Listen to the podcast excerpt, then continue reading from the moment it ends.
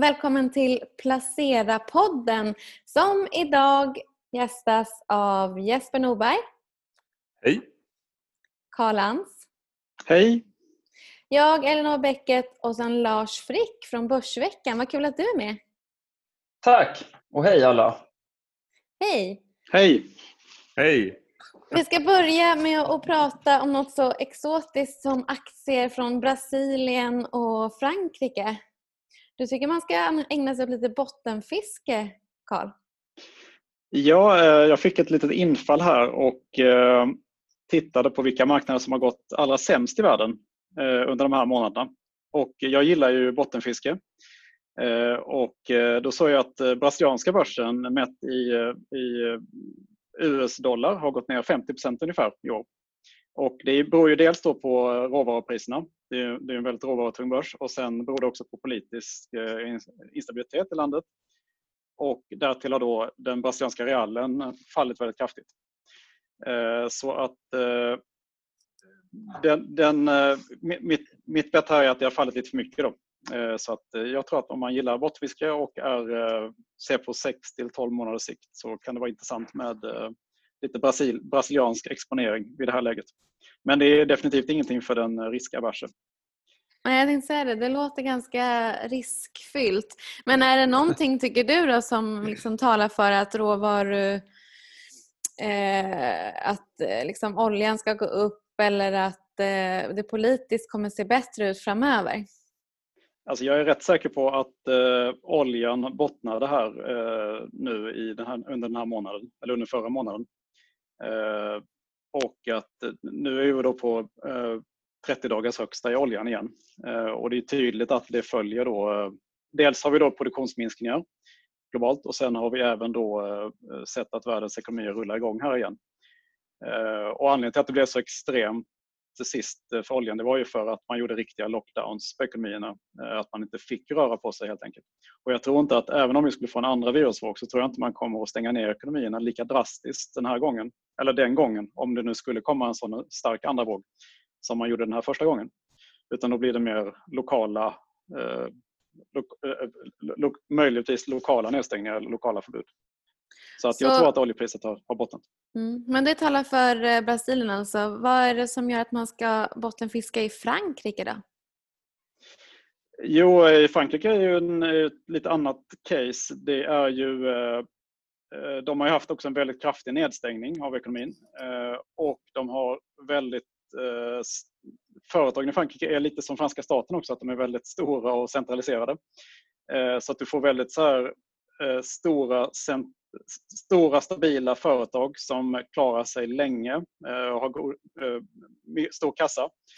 Eh, som till exempel då mm, försäkringsjätten AXA som har fallit 40% i år. Sodexo, världens största matleverantör till, till sjukhus och till skolor och så vidare. Som också har fallit runt, jag vet inte exakt hur mycket det har fallit, men det har fallit väldigt mycket, minst 40 i år.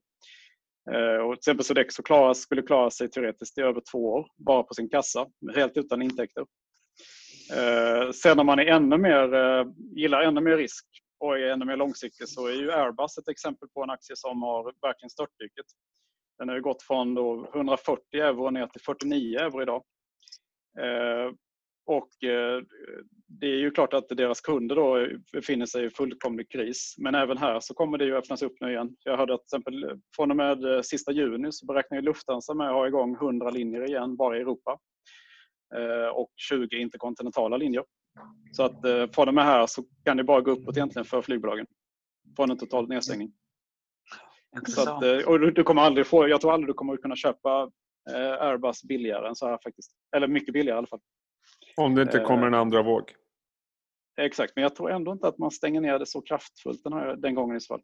Men det är klart, han... ni får gärna ta argument mot det. Nej, jag, jag bara känner... Du har säkert rätt, du kan det bättre än jag. Men jag såg att han... Vem var det Lars fick? Han den här som var någon hälsovårdschef i USA som fick sparken av mm. Trump. Han satt ju i förhör i går och sa liksom att gör vi ingenting nu så kommer den här vintern bli den vidrigaste någonsin. Han var väldigt, väldigt orolig för att eh, när vintern kommer tillbaka så kommer det här med full kraft. Det är Ja. väldigt deprimerande att lyssna på honom. Men som Ja. sagt, det är en åsikt, en massa andra åsikter givetvis. Men, men eh, Mm. han var väldigt bekymrad. Men det är väl också Men som Carl säger, ja. det är väl skillnaden hur mycket viruset kommer tillbaka och vad man gör då Mm. i samhället. Ja, det blir jätte... Det är ju liksom 10 000 kronors frågan. Det är, ju- Är, två, Kan det är man- två olika saker egentligen. kan man låsa in folk en gång till? Ingen Mm. aning. Nej. Mm. Men, Är inte Airbus också ett bra exempel, förlåt om jag sticker in här, men jag tänker mig mer att operatörerna, det vill säga flygbolagen, de ehm, sitter ju på pottkanten allihopa. Men uh, flygplanstillverkarna, det är klart, de måste, deras kunder måste ju ha råd att beställa, men jag tänker mig också att det är väldigt långa ledtider i den här branschen.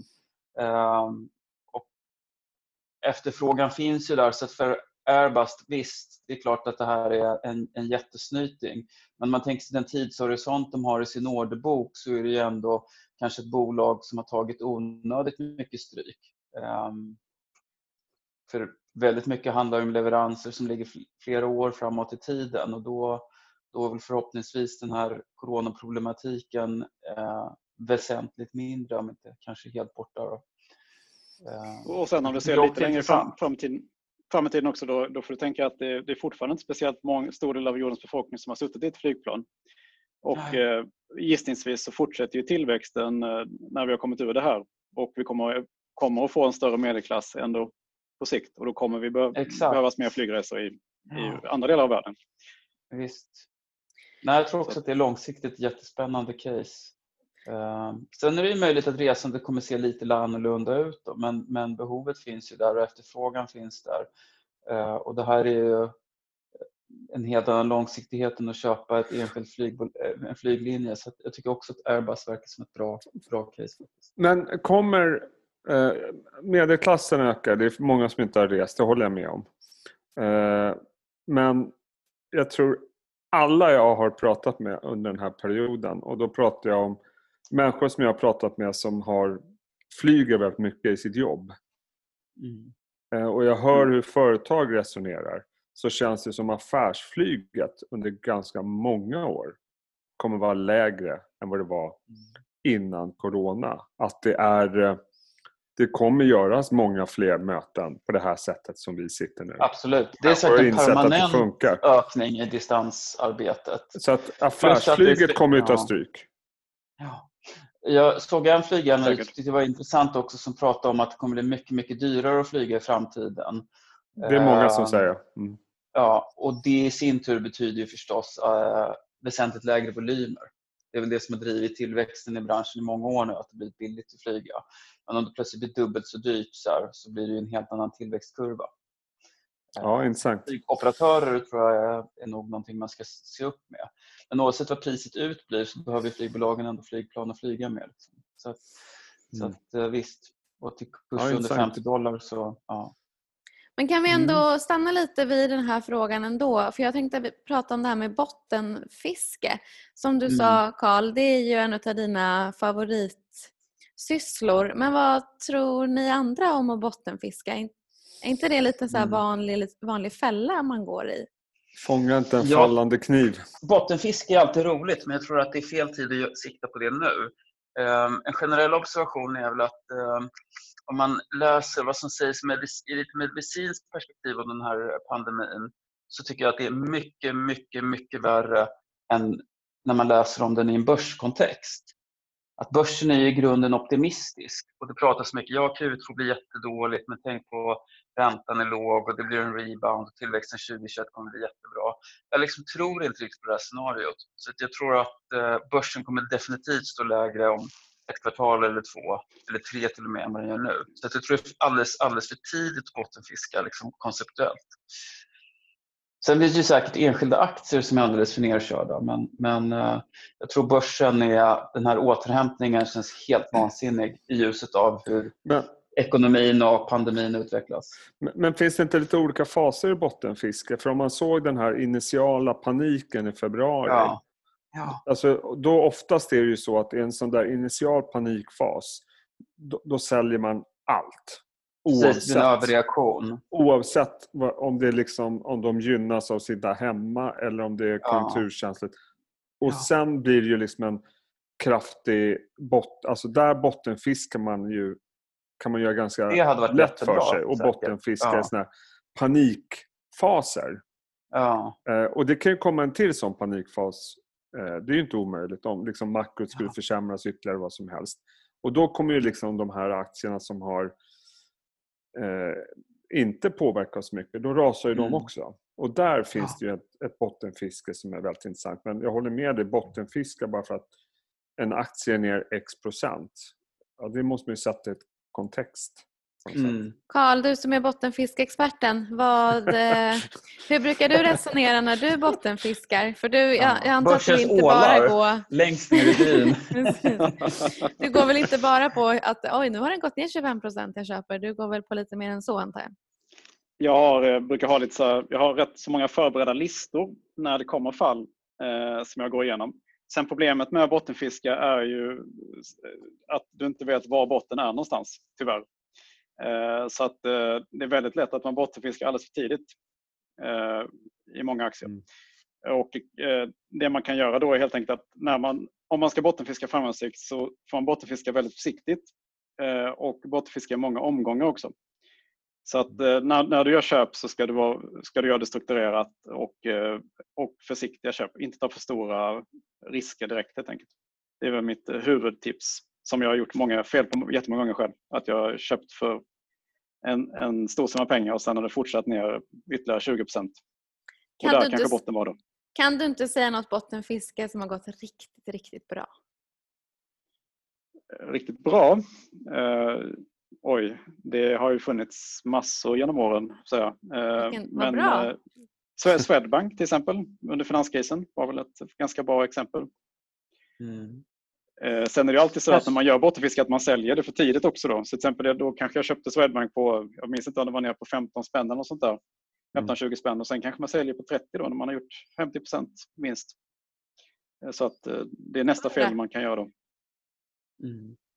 Mm. Kanske bankerna också är lite bottenfiskelägen om man på det temat nu. Det är många som, som är rejält pressade. Det är förmodligen då kreditförlustoro som, som tynger sektorn. Eh, Men där ska man ju komma ihåg att de hade ju strukturella problem redan innan vi gick in i den här krisen. Så att där finns det nog ganska mycket fundamenta som är både pre och post corona som de måste Mm. ta hand om. Så att eh, Mm. Det är väl nog inte många som säger att banker är högt värderade men de är lågt värderade absoluta tal men de kan ju vara lågt Men värderade kanske på i goda tre- anledningar också. De kan ju vara lågt ja. värderade i flera år. Liksom. Ja. Eh, Ja, ska vi prata lite medtech, Frick? Ja, men absolut. Jag tycker det är, eh, och det är ju inte riktigt bottenfiske då, det är ett annat tema. Jag tycker medtech-sektorn är intressant. Den har sprödat isär lite. Det är många bolag som handlas till eh, skyhöga värderingar. Eh, och det är ofta lite mindre bolag med extremt hög tillväxt och många diagnostikbolag och sådär. Men jag vill dra en lans för de som fortfarande har lite vettiga värderingar. Och något vi skrev om nyligen i Börsveckan då, det är bland annat Stille som gör kirurgiska instrument och sängar. Jag har pratat om det tidigare här också. Jätteintressant. Medcap som investerar i dels medicinteknik och sen har de också specialistläkemedel. Tycker jag också är ett bolag som presterat väldigt väl. Eh, det är klart det svajar lite grann även i deras siffror nu på kort sikt men, men eh, det är väldigt intressant. Eh, och det är klart, är man lite riskbenägen för de här skyhögt värderade instrumentbolagen och diagnostikbolagen det är ju ändå bolag som eh, på något vis driver sin egen tillväxt lite grann, ofta med expansion in i nya marknader, högre penetration och så vidare. Så det behöver inte nödvändigtvis vara en dålig investering bara för att multiplarna är höga. Tvärtom tror jag att just nu är det brist på bolag som står emot i krisen och då blir det lite utbud och efterfrågan. Liksom. Det finns färre aktier att välja på som uppfyller de här kriterierna samtidigt som investeringsintresset är stort. Så Medtech tror jag också kan vara, kan vara spännande. Men som sagt, det är ju inte bottenfiske då, utan det är ofta rätt. Och, det, och där är det Ja, intressant för att när vi lämnar den här värsta coronafasen, du nämnde Stille till exempel. Vi, du har pratat om Handicare.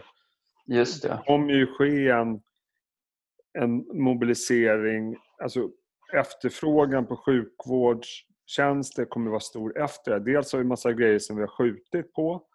Jag tror ur rent eh, opinionsläget så kommer man behöva göra Mm. investeringar för att vi har visat att vi kanske inte var speciellt bra mobiliserade när någonting händer. Precis, att det kanske blir liksom långsiktigt lite högre andel av BNP som går till vården. Jag skulle Att vi ser misstänka det. bristerna nu och folk kommer nog Ja. kräva att det finns lite buffert där. För det här har ju verkligen visat att, att vården går... Folk sliter ju ihjäl sig i den sektorn, stackarna.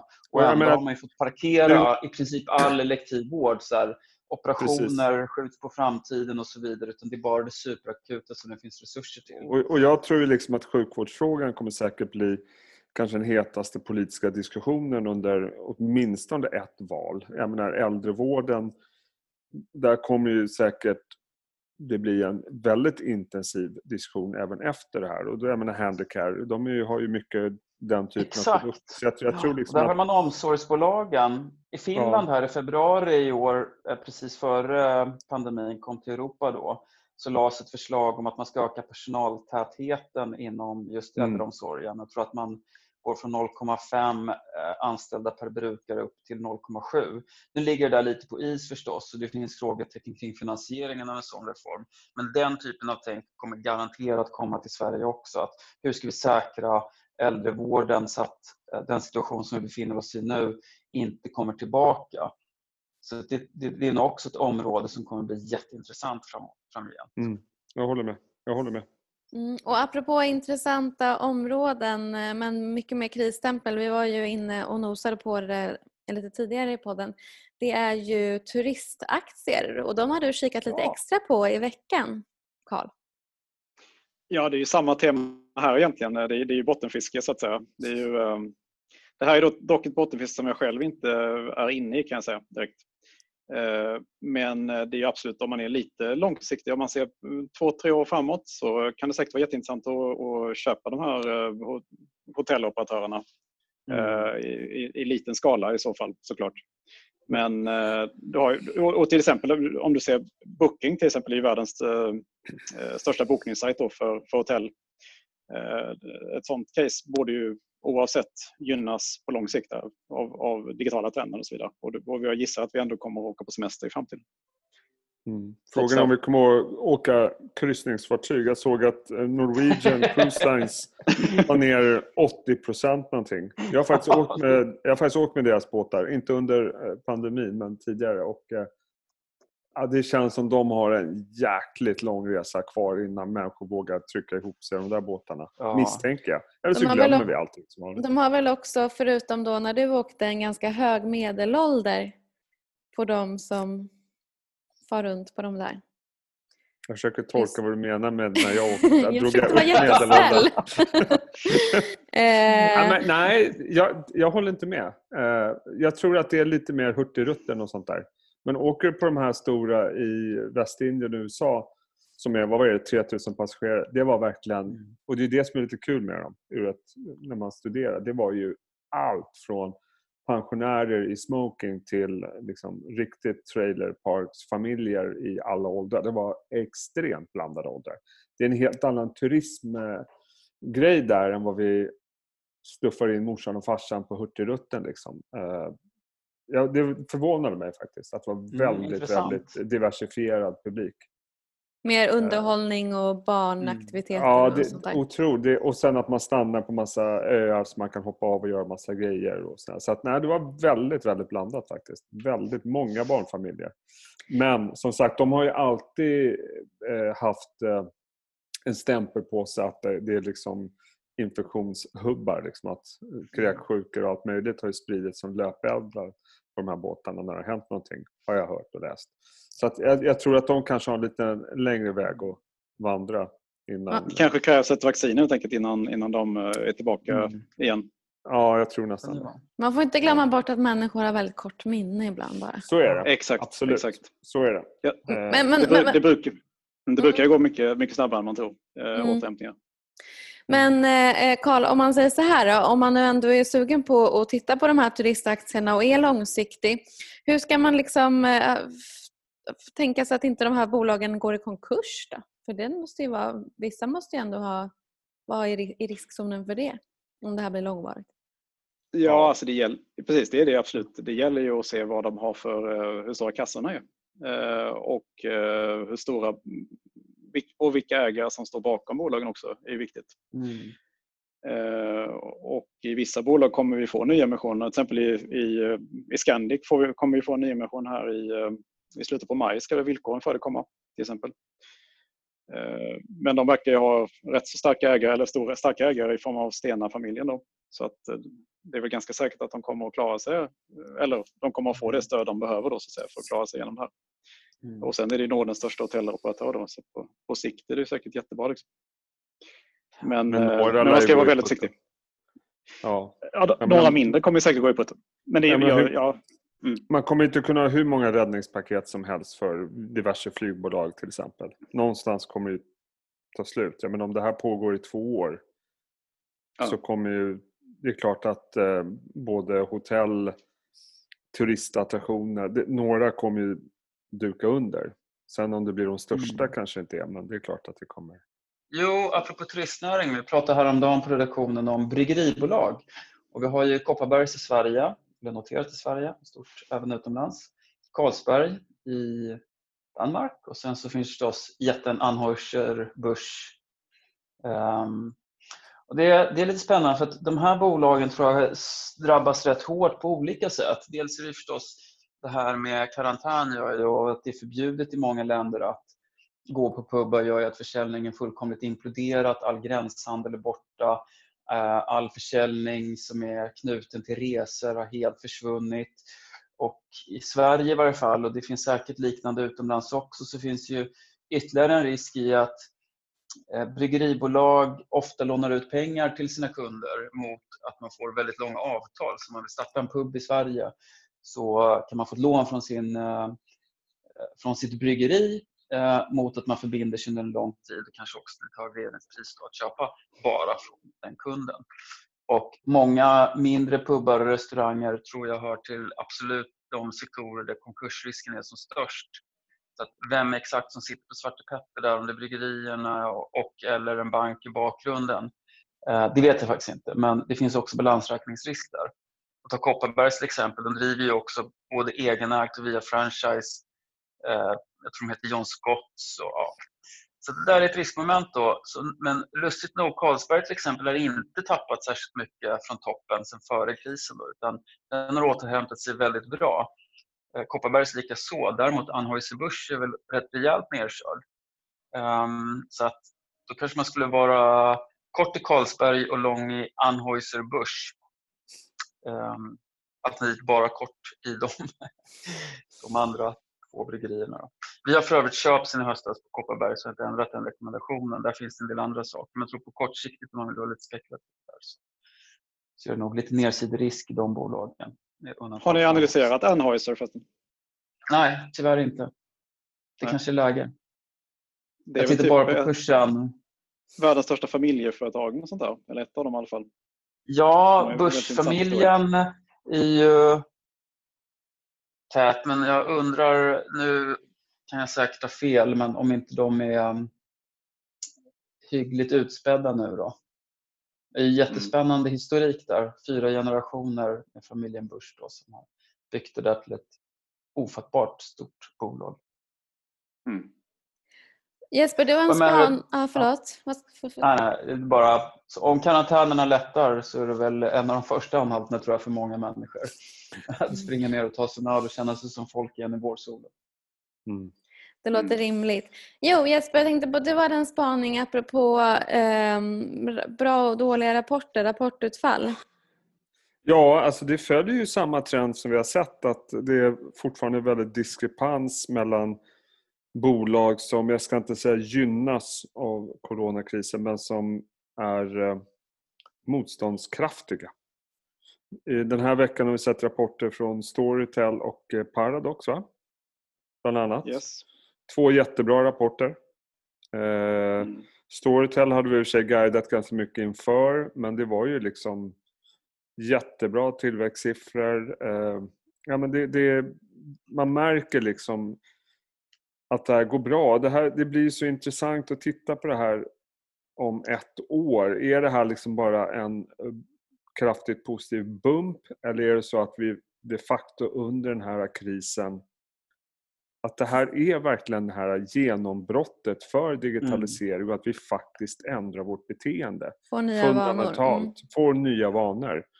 Eh, alltså gamingaktier har ju gått bra redan innan men, men man märker liksom att ja, jag börjar nog bli mer benägen på att eh, det kanske inte bara är en bump utan det här är ett, ett genombrott kan man väl säga. Det har ju varit genom, det är ju, gaming har ju inte gått dåligt som sagt innan men, men för Storytel och hela den här digitaliseringstrenden är ju det här är ju, alltså det måste ju vara, och det, vi har ju pratat om det här förut, att ja, här och nu så gynnas den här, den här aktien, men jag tror alla bolag nästan oavsett sektor kommer öka sin digitaliseringstrend. Eh, Mm. Där kommer det investeras. Att, och det ser man väldigt tydligt. Jag skulle inte bli förvånad om vi ser exakt samma tendenser i Q2. Och andra, en annan väldigt stor eh, strukturell trend som vi hade eh, före krisen som i och för sig kanske inte har då eskalerat på något vis. Men ändå en annan spaning som du hade det är ju att de här hållbara aktierna som var Mm. ju otroligt dyra, de är fortsatt dyra. De har klarat sig eh, ganska bra Ja, här. visst. Titta på Nibo och Tomra till exempel. Deras kursutveckling i år har gått otroligt starkt. Eh, och jag har pratat mycket om det där, om det här kommer fortsätta eller om det här blir på något sätt en paus i hållbarhet. Jag är inte så säker på att det blir det. Jag tror snarare att det här kan bli Alltså utnyttja en bra kris liksom. Nu, nu investeras det ännu mer framöver för att få igång ekonomin och det finns en öppning för att testa investera i nya saker och så vidare. Samtidigt ska man väl eh, säga att det finns ju en del så kallade icke hållbara aktier. Vi var inne på Carlsberg och Kopparbergs tidigare. De har ju inte gått speciellt bra men Swedish Match, Evolution Gaming. Jag, jag säger inte att de inte är hållbara men de klassas ju inte som att de, de hamnar inte i hållbarhetsfonder om man säger så. De har ju gått jättebra. Så att det, det, det är inte bara så. Men, men det är ändå intressant att aktier som Nibe och Tomra med bra affärsmodeller svindyra innan pandemin men tappar inte liksom. Mm. Ja, de Tydligt miljöförbättrande är ju de. Eh, Ja. Så de Jäkligt intressant in- tema. Jag tycker det Mm. säger ganska mycket. Faktiskt. Mm, ja. Intressant. Eh, Så här eh, för att runda upp då. eh, Ska vi säga någonting om bostadsmarknaden? Ja, Jag Ja, jag har ja. faktiskt gått på, lite, gått på lite visningar här och eh, det är ju, när det gäller sommarhus då så är det ju folk än någonsin liksom, som letar sommarhus kan jag säga. Ja, jag har en kompis som köpte ett nyligen. Mm. Ja, det är, eh, men samtidigt så hörde jag ju för ett tag sedan att det var i och för sig för några veckor sedan att eh, säljarna var liksom inte riktigt, litade inte riktigt på att köparna skulle finnas där. Så det var ju också att det kanske inte utbudet var så stort heller. Så kan det vara. Eh, Det är ju lite vanskligt med fritidshus för det är ju, det är ju så otroligt mycket färre fritidshus som säljs så det blir så svårt att jämföra Det stämmer. eh, prisstatistiken. Men eh, det verkar ju som att det är hett och det kan man ju förstå om man inte får resa någonstans. de får inte ens resa till sina sommarställen längre. Nej, så man kan ju tänka sig att de som ligger nära då Stockholm, jag vet, inte- jag vet i och för sig, ja, de som ligger nära storstäderna, att det är de som gynnas allra mest. Ja, Ja. har har du, hur långt ifrån har du tittat Karl? Jag var och kollade på ett torp, eh, sånt här ganska jättefint torp, jättefint skött eh, nere vid eh, Hjälmaren var det. Så att det var precis på gränsen då för man får köra ungefär. Men det var ju så här, Det beror på hur fort det- man kör också. ja det får fort man kör precis. Men det var ju en folkfest där liksom. Det var ju så här barnfamiljer från söder och eh, passar och mäklaren berättade att de aldrig sett så mycket folk på en visning förut. Och herregud. utropspriset var 1,1 miljoner och eh, nu senast så att det var uppe på 1,9 miljoner. Åh herregud. Eh, och, då, och då har du inget, eh, då har du ingen riktig toalett och sådär utan det är någon mulltoa liksom. Och, Mm. så att, eh, det är många som drömmer om svenska landsbygden idag. Ett- En stuga där. Så säljläge alltså för de som har fritidshus men de å andra sidan kanske Yes. vill mer än någonsin vara i det just i år. Då.